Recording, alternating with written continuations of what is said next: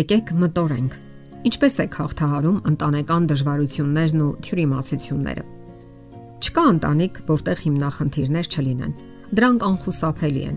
Պարզապես հարկավոր է հասկանալ դրանց բնույթն ու գտնել լուծման ուղիները։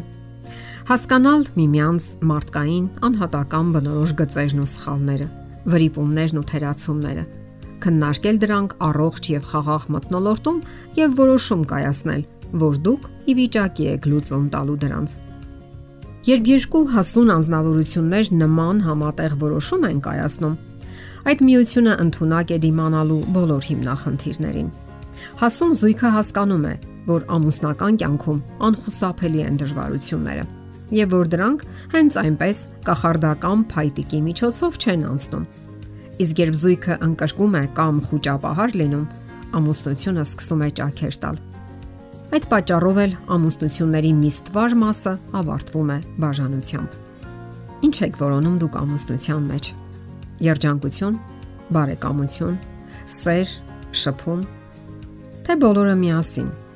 Ասենք որ ամուսնությունը հենց դրա համար էլ նախատեսված է։ Այդ բոլորը դուք պետք է գտնեք ձեր միության մեջ միմյանց հասկանալով, միմյանց ճանաչելով։ Եթե փչանա ձեր լվացքի մեքենան կամ համակարգիչը, դուք չեք կարող նորոգել դրանք առանց նախորոք ճանոթանալու այդ սարքերի բարդ մեխանիզմին։ Չի օգնի նաև ամենաթանկ բարդ գործիքների հավաքածուն, եթե չեք կարող օգտվել դրանցից։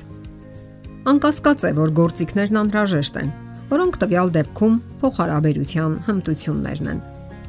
Անհրաժեշտ է ուղակի պատկերացնել, թե ինչ փոփոխություններ պետք է տեղի ունենան ձեր վարքագծի մեջ, որpիսի ձեր ամուսնությունը երջանիկ եւ նպատակային լինի։ Նախ զույգերը պետք է շատ բան իմանան միմյանց գլխավոր հուզական պահանջների մասին։ Այդ պահանջների իմացությունը եւ դրանք բավարարելն էլ դնում է սիրո փոխհարաբերությունների հիմքը։ Հակառակ դեպքում մարդն իրեն վիրավորված, մերժված եւ խորթ է զգում։ Հարցումների արդյունքում ողրվել է, որ ամուսիններից յուրաքանչյուրը կարծում է, որ ճիշտ է հասկանում դիմացինի պահանջմունքները, ըմբռնում եւ գնահատում է կողակցին։ Իսկ դիմացինը միանգամայն այլ կարծիքի է։ Նա գտնում է, որ իր պահանջմունքները չեն բավարարվում։ Խնդիրները բազմազան են։ Գոյություն ունեն բնավորության տարբերություններ։ Աշխարհում երկու միանման մարդ չկա։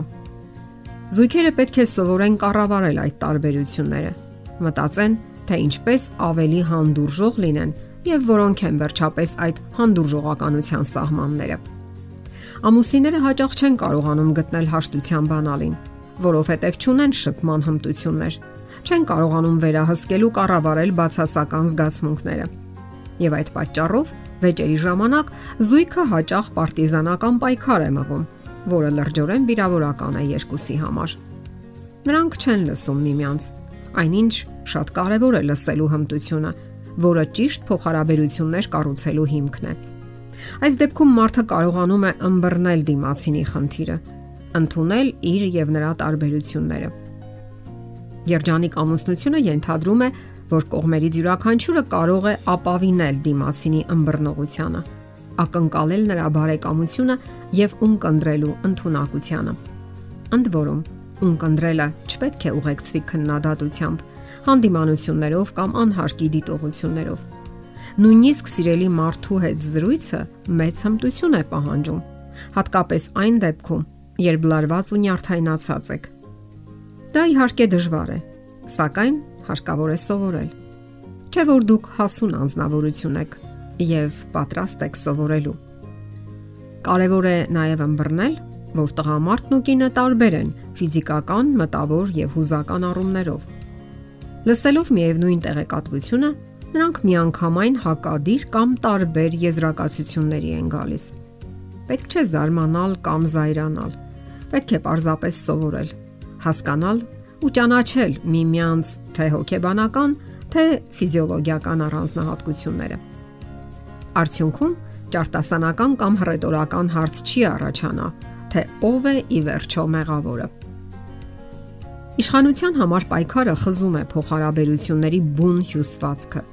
թողնելով լքվածություն, մեկուսացում, ցավ եւ հուսահատություն։ Հավասարակշռությունը եւ ինքնատիրապետումը բնական շփման ու սատարման հիմքն են։ Չմոռանանք նաև մի կարևոր ոլորտի հոգևոր միաբանության մասին։ Իհարկե, հիմնախնդիրների լուծման համար անկարևոր չեն ռոմանտիկ զգացումները, զվարճությունները, փոխադարձիացմունքը։ Սակայն մի մոռացեք համատեղ խորհրդածությունները, հոգևոր միաբանությունը, համատեղ աղոթքները։ Իսկ դուք մտածել եք այն մասին, որ շատ հարաբերությունների խարխլման հիմքում հենց ռոմանտիկայի պակասն է։ Սա գործուն միջոց է հարաբերությունները ամրապնդելու համար։ Հիշեք ձեր առաջին ռոմանտիկ զգացումները, որ ստացում եք միմյանց հանդեպ։ Ամենօրյա ատահաճություններն ու վիրավորանքները երբեմն տեսադաշտից հեռացնում են առաջին հույզերը։ Հիշեք, թե ինչպես էիք նայում միմյանց մինչև ամուսնությունը։ Ինչ զգացումներ ունեիք ժամադրությունների ժամանակ։ Հաճախ ձեզ երկնքում էիք զգում, այդպես չէ՞։ Դրանք միգուցե ճափազանցված էին սիրահարվածության կրքով,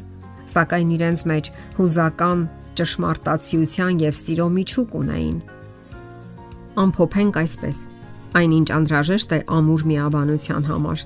լրջմիտ, խոհուն, իմաստավորված սիրո եւ հիացմունքի վրա հիմնված հարաբերություններն են։ Հասուն մտեցումները յուրաքանչյուր մանր ու մեծ խնդիրներին եւ դրանք ժամանակին լուծելը։ Դե ի՞նչ, փորձեք իմաստությամբ հաղթահարել դժվարությունները։ Եթերում ընտանիք հաղորդաշարներ։ Ձեզ հետ է Գեղեցիկ Մարտիրոսյանը։